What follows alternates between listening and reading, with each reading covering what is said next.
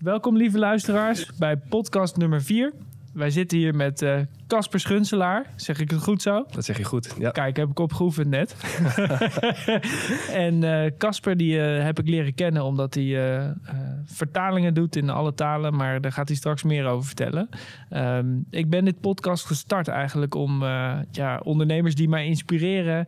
om die ja, in kaart te brengen en ook te zien wat hun beweegt. Hoe ze door het leven gaan. Wat ze leuk vinden, wat ze niet leuk vinden Vet. om alle andere ondernemers een hart onder de riem te steken. Want eh, soms is het een beetje eenzaam als je daar als ondernemer eh, zit in je toko.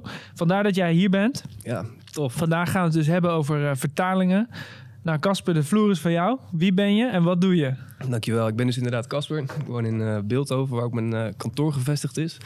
Ik ben eigenlijk begonnen met ondernemen omdat ik simpelweg niet voor een baas wilde werken. Ik weet dat ik genoeg kennis heb op het gebied van taal en tekst.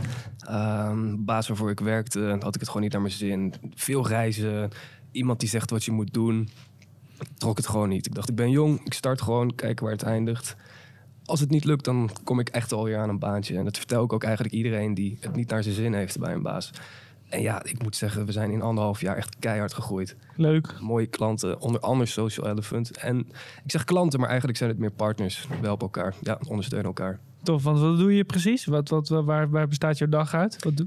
Ehm, vandaag moet ik eerlijk zeggen dat ik vier uur in de zon heb gezeten. Ik kom om elf uur mijn bed uit. Ik, heb gisteren, ik heb gisteren tot laat doorgewerkt. Ik kom net terug uit Noorwegen. Ben ik eh, met ook een partner naartoe geweest. Dat is Jaap van Loppa. Dat is Mhm. Een oud huisgenoot van mij. Die heeft daar een, eh, een boot, twee zelfs, en twee huizen. Die verhuurt hij. Ehm, ik heb de teksten daarvoor destijds zelf geschreven. En die zijn door een aantal vertalers van ons vertaald naar het Engels, Duits en Noors. Eh, vooral marketingteksten, SEO gericht. Dus eigenlijk komt het daarop neer. We bezitten expertise op het gebied van online marketing, maar ook textueel zijn we sterk. En eh, zo weten we dat we bijvoorbeeld in Duitsland hartstikke makkelijk kunnen scoren.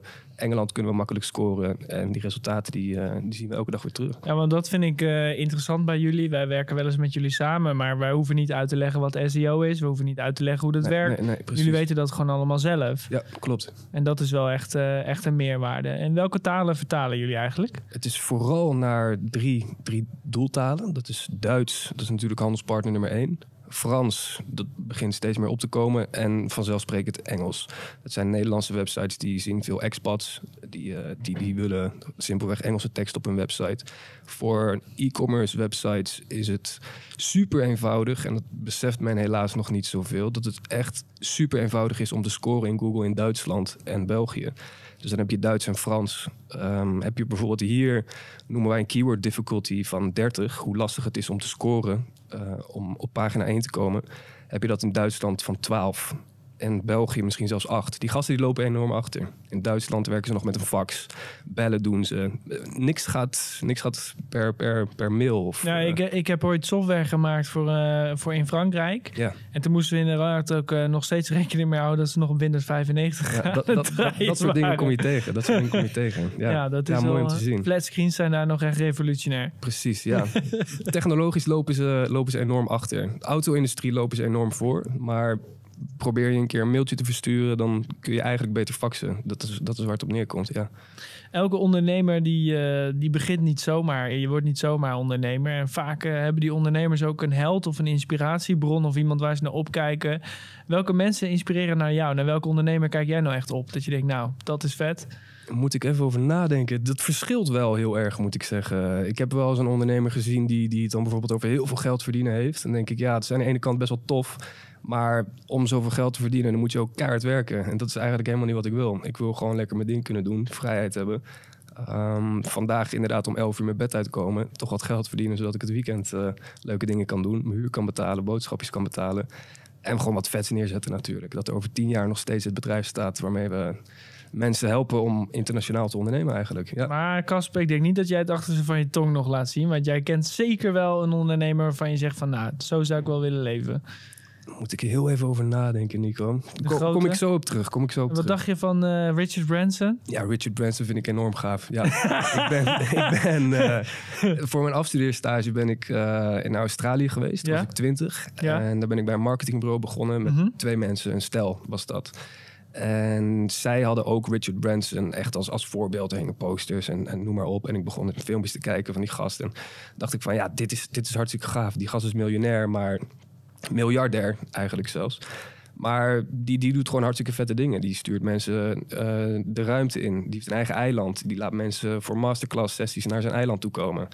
En gewoon, ja, inspiratie, inspiratie haal ik daar wel uit, ja. Wat ik zelf mooi vind aan uh, Richard Branson is dat hij echt... Uh, hij is ondernemer. Want hij, hij, hij blijft niet directeur van die tent, weet je wel? Ja. En je ziet heel veel ondernemers, zelfs een Steve Jobs, die blijft uiteindelijk directeur van Apple. Ja. En, en eigenlijk is hij dan geen ondernemer meer. Mee eens. Maar hoe zie jij dat? Ik denk dat je op een gegeven moment dat wel meer los kan laten. Je moet, je moet uitbesteden, anders, anders kom je gewoon niet verder. Het is, het is vet en het is goed om zelf te beuken om avonden te werken.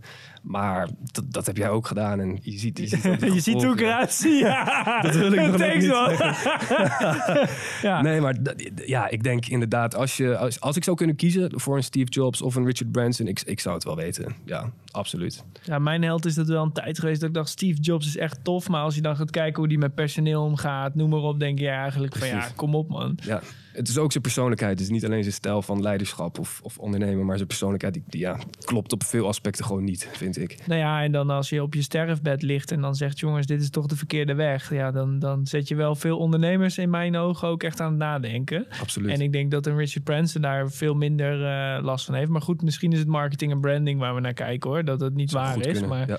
ja, dat is wel hoe het voelt voor mij. Klopt. Ja, nee, ik vind het wel een mooi voorbeeld. Hij heeft natuurlijk, ja, hij is, hij is eigenaar van een luchtvaartmaatschappij. Enorm vervuilend.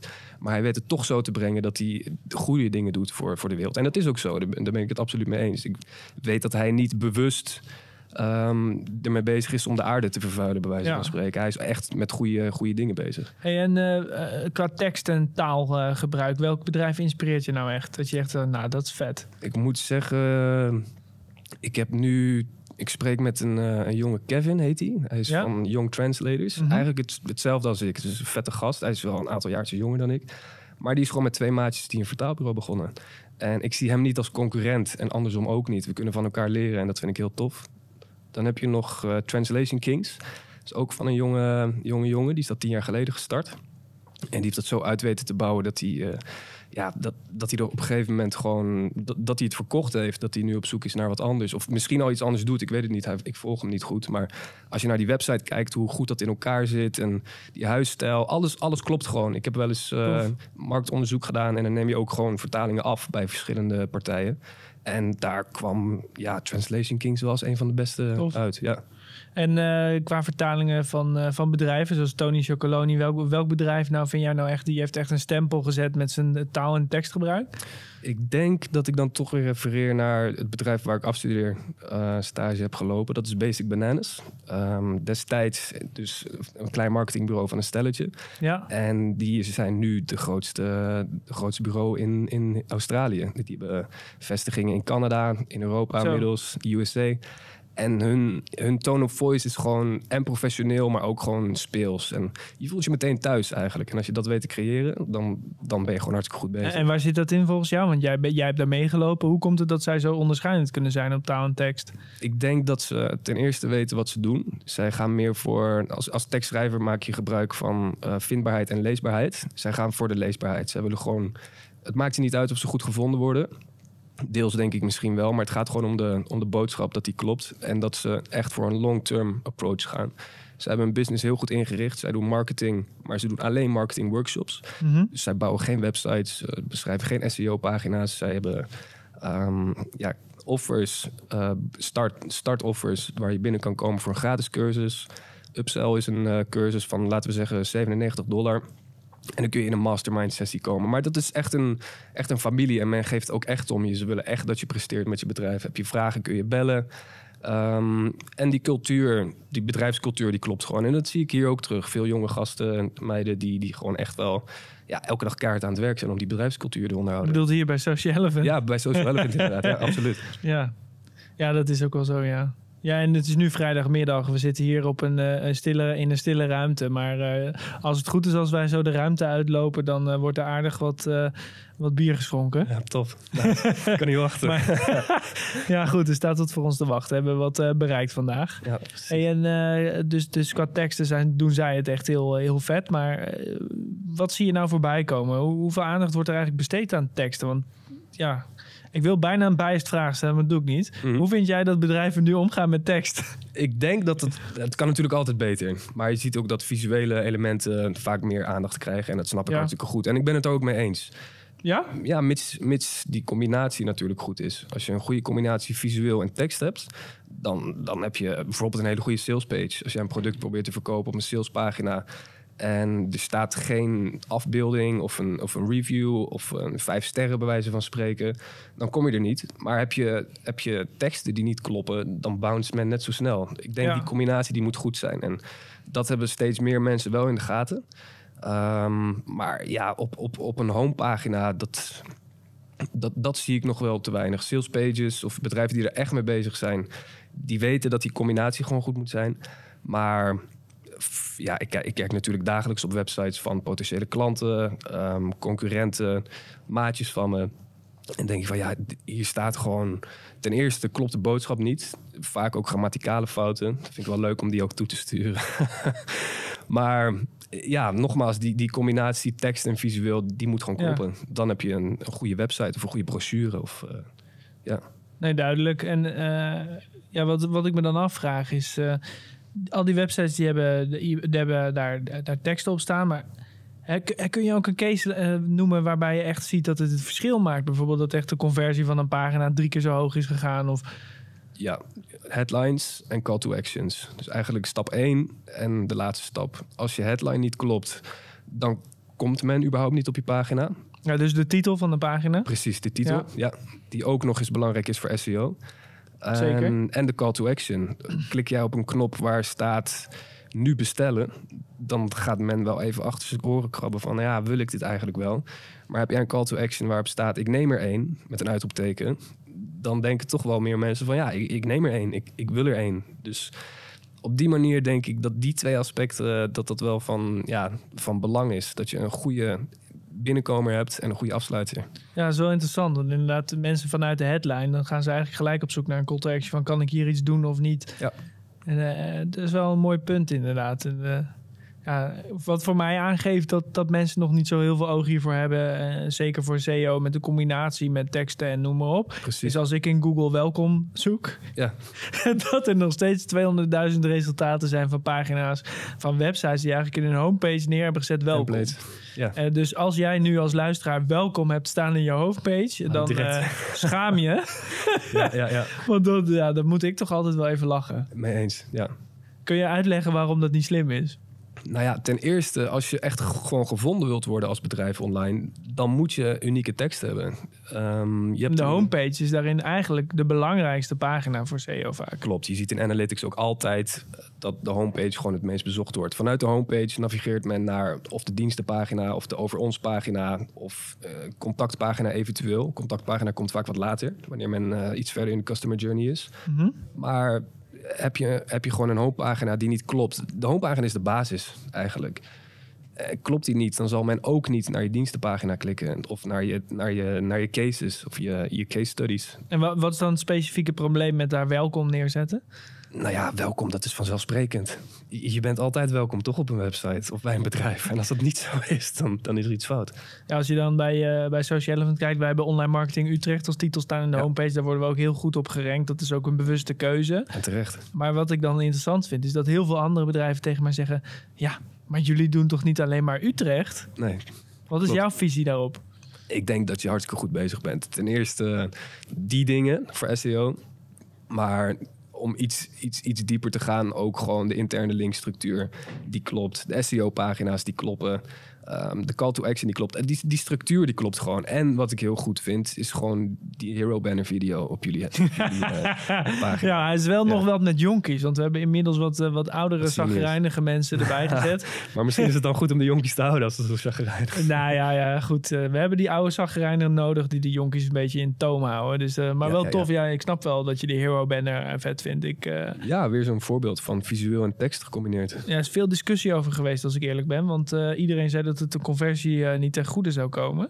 Ja, als die de pagina niet trager maakt. Ja, dat maakt hij wel. Maar ik heb AB-testing gedaan en er komt uiteindelijk wel uit dat dat wel, eh, wel beter uitkomt. Hou zo. Wat zijn nou echt eh, dingen waarvan jij ziet van... hé, daar, daar kan een onderneming in deze tijd eigenlijk met tekst niet meer mee wegkomen. Daar moet je wel echt wat doen. En welke stappen kan iemand nemen? Nou ja, het meest simpele voorbeeld eigenlijk is grammaticale fouten of spelfouten. Ik, neem een, en meerdere, volgens mij meer dan 50%, die neemt een onderneming simpelweg niet serieus. Wanneer er een dt-fout staat, bij wijze van spreken. Of u en je door elkaar gebruikt. Je kan nog zo'n mooie tekst hebben, maar staan er eh, spelfouten of grammaticale fouten in. Dan, dan klopt het gewoon niet. Nee, en dan, dan bounce men ook. En wat ik wel heel sterk bij jou terug hoor... is eh, eigenlijk in tekst en communicatie in één stijl en zo... hoor ik je weinig over terug. Schrijven over persona. Maar wat ik dan wel heel duidelijk hoor... is call to actions, titels. Ja, En- en het is meer het technische aspect, denk ik. En En, waar- hoe je dat ja. combineert met, eh, ja, met je data. Kun je daar eens wat eh, meer over vertellen? Hoe bedoel je dat? AB-testen, bij wijze van spreken. Call to actions in e-mail-nieuwsbrieven. Stel, je hebt een, eh, een e-maillijst van 5000 personen. Je stuurt de ene helft, stuur je... Nou ja, je kan AB testen met kleur. Een oranje call to action button vergeleken met een groene. Ik denk dat een groene... Denk ik, hè? Ik, ik weet het niet. Daarom Hm. doe je natuurlijk AB-test. Ehm, een groene die zal, wat mij betreft, beter aanslaan. En dat heb je, eh, dat heb je ook met de tekst daarin. De, de, de opening rate van een e-mail kun je daarbij testen. Uh, maar ook de, de click-through rate op, op, je, nou ja, op je salespage of je blogartikel kun je daarmee testen. Wat, wat ik dan lastig vind in tekststijlen, want je hebt een heleboel verschillende. Ja, je, je hebt in een bedrijf heb je. Kijken we vaak naar een website of een formuliertje. Maar hoe zorg je nou eigenlijk dat die hele tekststijl door je hele bedrijf heen wordt gehanteerd? Want uiteindelijk, als je 40 medewerkers hebt, Ja, ja, zullen die ja. allemaal eigen e-mails uitsturen. Dat, Klopt, klopt. Ehm, ik denk dat dat misschien micromanagement is. Ik denk het is goed om één tone of voice aan te houden. Mhm. Ehm, dan kijken we bijvoorbeeld naar een u of een je. Maar als een, als een eh, andere prospect wordt aangesproken met u en intern wordt er met je aangesproken, dan, dan kan het niet heel veel kwaad. Nee, ik denk daar verlies je geen omzet of klanten op. Dat is, daar hoef je je niet zoveel zorgen om te maken. En eh, qua tooling zijn er nog toffe tools die er zijn om, eh, ja, om eh, wat makkelijker met teksten of die spelfouten eruit te halen? Of Ehm, ik denk spelfouten, dat moet je gewoon echt zelf doen of iemand mee laten kijken. shit. maar een hele vette tool vind ik eh, Keyword Finder. Ja, een betaalde tool, maar die is het echt meer dan waard. Heel overzichtelijk, heel duidelijk eh, op, op welk keyword je kunt ranken, welke concurrenten het keyword Ja, gebruiken. zeker. en het aantal searches per maand, bij wijze van spreken. ja, Heb jij die tooling van ons of gebruiken wij toevallig dezelfde tool? weet ik niet. Nee, ik, ik gebruik hem al een tijdje. Leuk. Ja, het is wel een leuk merk ook die erachter zit. Ja, die, die, die huisstijl Mongols. daarvan. Mangles, Mongols. volgens mij. Mangles, ja. Nee, Mengels, en dat klopt. Nee, zeker. Tof man. Wat is nou echt een klus waarvan je echt waar je trots op bent? Dat je zegt, nou, dit was wel echt dik om mee te maken. Ik denk het eerste beursgenoteerde bedrijf, een miljardenbedrijf, MyProtein. Heeft, heb ik heel veel moeite gedaan om binnen te komen. Vet. Maar die nemen nog steeds teksten bij ons af. En Cool. dat is ook gewoon een samenwerking waar we wekelijks ook lof voor krijgen. Omdat het resultaat gewoon eh, zichtbaar is. Ja, we vertalen veel teksten voor MyProtein. E-commerce teksten. Die moeten wervend zijn, die moeten kort en bondig zijn.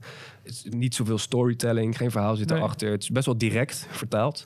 Maar ook dan, als je een, een zinnetje hebt eh, en die klopt niet... of een, een- er komt een woord raar over... dan zien ze dat echt wel. En nou ja, we werken nu denk ik een jaar, anderhalf samen met MyProtein. En de komende tien jaar denk ik nog steeds wel. Ja. En e-commerce eh, specifiek is best wel interessant. Hè? Doen jullie ook bijvoorbeeld aan content flipping of juist niet? Of, Nee, nee, daar houden we ons eigenlijk minder mee bezig. en waarom? Ja, durf ik eigenlijk niet te zeggen. We, we, we zijn gespecialiseerd in hetgeen uh, waar we mee bezig uh, zijn. Weet je, uh, de content flipping voor de luisteraars is dat je, dat je één product hebt. Bijvoorbeeld, ja, wil geen reclame maken, maar de Nike, een Nike schoen. Ja. en die heb je dan in zes verschillende kleuren. Mm -hmm. En dan wordt eigenlijk automatisch wordt er een, ja, wordt een stuk van de content vertaald naar oranje, groen, blauw, geel.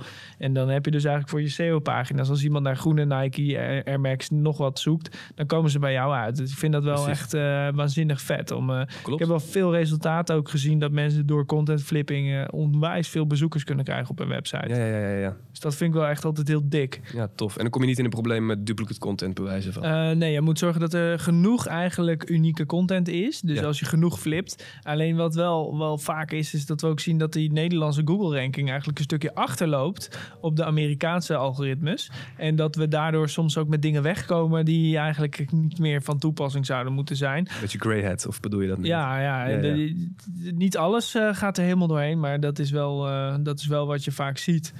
Ja, vind ik wel... Uh, oh, cool, daar ga ik straks eens in kijken. Content flipping, ja, dat is wel leuk. ja, dat is wel leuk om mee te maken. Ja. Hey, wat, jij bent nu, hoe lang ben je bezig? Ik denk, nou, anderhalf jaar, twee, ja. bijna. Ja. Ja, wat, wat altijd als ik jou ontmoet, dan uh, laatst heb ik ook even bij jullie op kantoor zitten werken. Was ik aardig even de weg kwijt. Dat ik dacht van, oh, wat ga ik nou doen? Wat ga ik, het wordt groot, oh shit.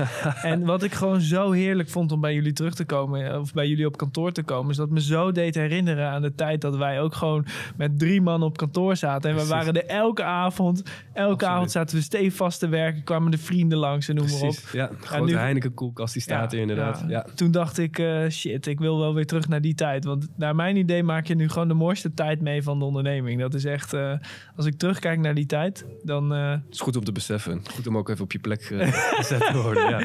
ja, wat doet dat met jou als iemand, die, als ik die nu verder is, zeg maar, ja, ik wil niet zeggen verder, maar goed, zo ja, zullen de mensen... Hoe, wat doet dat met jou als ik dat zeg tegen jou? Geloof je dat dan of denk je, ja, laten we maar lullen? Nou, ik, ik vind het lastig om te geloven, want ik, ik wil ook natuurlijk een groeiend bedrijf. Een bedrijf wat, ja. nou ja, meer medewerkers in dienst heeft, meer omzet draait en niet eens om het omzetdoel, maar gewoon om iets vets neer te zetten. Ja. En heb ik het bijvoorbeeld in de beeld, beeld over Utrecht over Social Elephant. Ja, wel eens van gehoord, wel eens van gehoord inderdaad. Ja, serieus? Ja, echt waar. Ja, ja dik maat. ik heb best wel veel marketing agencies als klant. En ja, het merendeel dat kent uh, Social Elephant wel, ja. En uh, hoe staan wij bekend? Dat, dat weet ik niet eigenlijk. Nee, ik vraag nooit verder na. Nee, doe ik niet. ja. Oké, okay.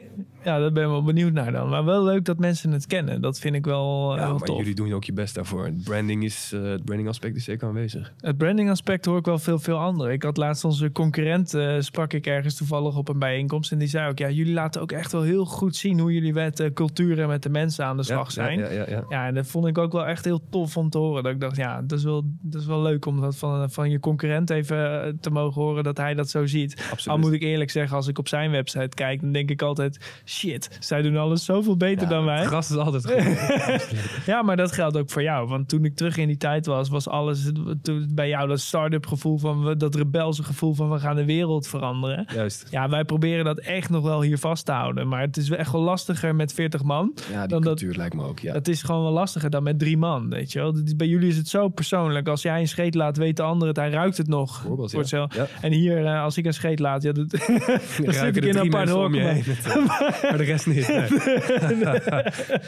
nee, maar dat is het gewoon. En meestal als jij een scheet laat, dan weten mensen het ook omdat ze je geur herkennen. Dus weet je...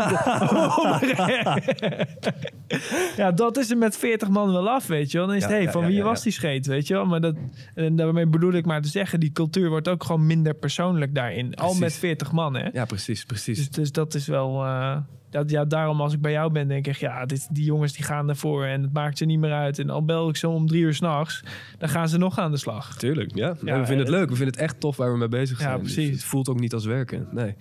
Leuk man, echt uh, leuk om. Uh, wat, wat, wat, ik daar nog één wel als vraag heb. Mm -hmm. ja, iedereen maakt fuck-ups. Ja. Wat is nou echt de grootste fuck-up dat je hebt gemaakt dat je denkt, nee. Ik denk de allergrootste fuck-up, die weet ik nog echt als de dag van gisteren. Dat was een spoedvertaling, nieuwe klant ook. Spoedvertaling kun je altijd wel wat meer factureren. En dat, dat mag ook wel, want je, je gebruikelijke werkzaamheden die, die schuif je aan de kant. En ik had nog geen echte Frans vertaler, maar toch kwam die aanvraag binnen. Nou, ik heb, ik heb die... Het ging trouwens om een, een vertaling Nederlands naar het Frans. Ik had wel een Engels-Frans vertaler. Dus ik heb mijn Nederlands-Engels vertaler de tekst laten vertalen van het Nederlands naar het Engels. En daarop volgend de Engels-Franse vertaler de tekst laten vertalen van het Engels naar het Frans. Nou, je kan je voorstellen, daar klopt geen, klopt geen zak meer van. En het, het erge was natuurlijk dat het een spoed, spoedvertaling was. Het ging om een persbericht van een best wel groot bedrijf... die die middag nog dat persbericht uit wilde sturen. En ik ben toen opgebeld. En ja, die persoon met wie ik toen handelde, die is wel echt erg boos geworden. En terecht natuurlijk. En daar heb ik wel echt van geleerd. En Misschien, kun, misschien luistert hij wel. Kun je even openbaar je excuus aanbieden? Heb je het weer goed. Heb gemaakt? ik al duizendmaal gedaan. Hij heeft niet geholpen. Nee, hij is nooit meer teruggekomen natuurlijk. Nou, ik hoop dat als degene luistert en hij weet dan nog dat jij het was, dat hij alsnog gewoon eventjes over zijn hart strijkt en je nog een kans geeft. Wie weet. Ja, zo niet, geen probleem. Geen probleem. Nee, ik geef je groot gelijk. Oh, oh, oh, heerlijk. Leuk man. Super tof. Nou, ik, ehm, ik ben blij dat jij hier even bent eh, gekomen. Ik wil, des- deze podcast gemaakt om mensen te inspireren. En ik hoop dat jullie als luisteraars ook hebben meegemaakt dat die, die jonge gasten onder ons, dat die nog willen vlammen en de wereld Absoluut. willen veroveren. Absoluut. En dat het gewoon echt een enorme toffe vibe is. Eh, om daarmee af te sluiten wil ik je toch nog een laatste vraag stellen. En dat is, stel dat jij nu 100 miljoen euro van mij krijgt. Ja. Die ik niet heb, maar je krijgt ze van mij. Ja. Wat ga je doen? Ik zou ten eerste Rob Uiterwijk benaderen, financieel adviseur, om te vragen wat de fuck moet ik met die 100 miljoen doen. That's it. Echt waar. Ja, ik, ik, zou het, ik zou het minstens een maand op de bankrekening laten staan. En kijken van, wa- wat, moet ik in hemelsnaam met 100 miljoen? Ik heb er nog nooit over nagedacht. Nee. En dan? Wat ga je doen? Je hebt alles. Je hebt alles. Ja, je hebt alles, maar ook weer niet alles. Je hebt, je hebt veel geld, maar is dat alles? Maar wat ga je doen? Ga je het besteden aan Ferraris? Wat ga je doen? Nou, Ferrari is natuurlijk vet, maar ja, Porsche ook. Maar of ga je verder met Your International of zou je gewoon... Tuurlijk, ja, absoluut. Ik, ik schuif dat niet zomaar aan de kant. We gaan echt wel verder. Ja, ik zou misschien ja, high-end personeel aannemen. Kijk, Ja, zeker. Met nee, dat- ik schuif het niet aan de kant. Zeker niet. Het is makkelijk om te zeggen eh, natuurlijk. Maar ja, wat, wat zou het dan voor nut hebben om te zijn waar ik nu ben? Ik zou misschien nog wel een vet agency erbij bouwen. hup doorgaan. Ja, Vet man. ja. Thanks. Jij bedankt. Thanks voor de vierde podcast. We gaan er wel eh, veel weer eh, volgen. De directeur van Channel heeft gezegd dat hij eh, wel eh, in gesprek wil gaan. Dat, vind ik echt vet. super Ja, vet. Dat is tof. Eh, we krijgen nog Charles, of Charles moet ik zeggen, anders wordt hij weer boos. nee, hij wordt ook boos. Groenhuizen, ja, is ook echt een man naar mijn hart. Maar wat me vooral is opgevallen met het maken van deze podcast, is dat het gewoon enorm leuk is om te doen. Het voelt niet als werk inderdaad. Nee, hè, en je bereikt er toch dingen mee. En het ja, voelt ook een beetje alsof de tijd stilstaat. mee eens. Ja. Hoe lang zijn we nu bezig geweest? Ja, ik denk, ik denk 30 minuten. Zou goed Maar kunnen. 30 minuten hebben we volgepraat. En ik hoop dat de luisteraars er wat aan hebben. Mocht je als luisteraar zoiets hebben van... joh, ik wil meer weten over teksten. Hoe zit het in elkaar? Welke tips heb ik? Eh, stuur dan even een bericht hieronder. Eh, ik zorg dat Casper daarop reageert. En dat zal hij dan ook doen. Je mag in het Engels, Frans, Duits mag je reageren. Spaans. Spaans. Italiaans. Doe even nog wat Spaans voor ons. Eh, Sluit even netjes die podcast al af. final, en español, serio? Zie. Vale. Vamos a beber. pff, Vamos a beber, tío. Es, es todo que quiero decir. Dat was het, jongen. Thanks. Thanks. Gracias.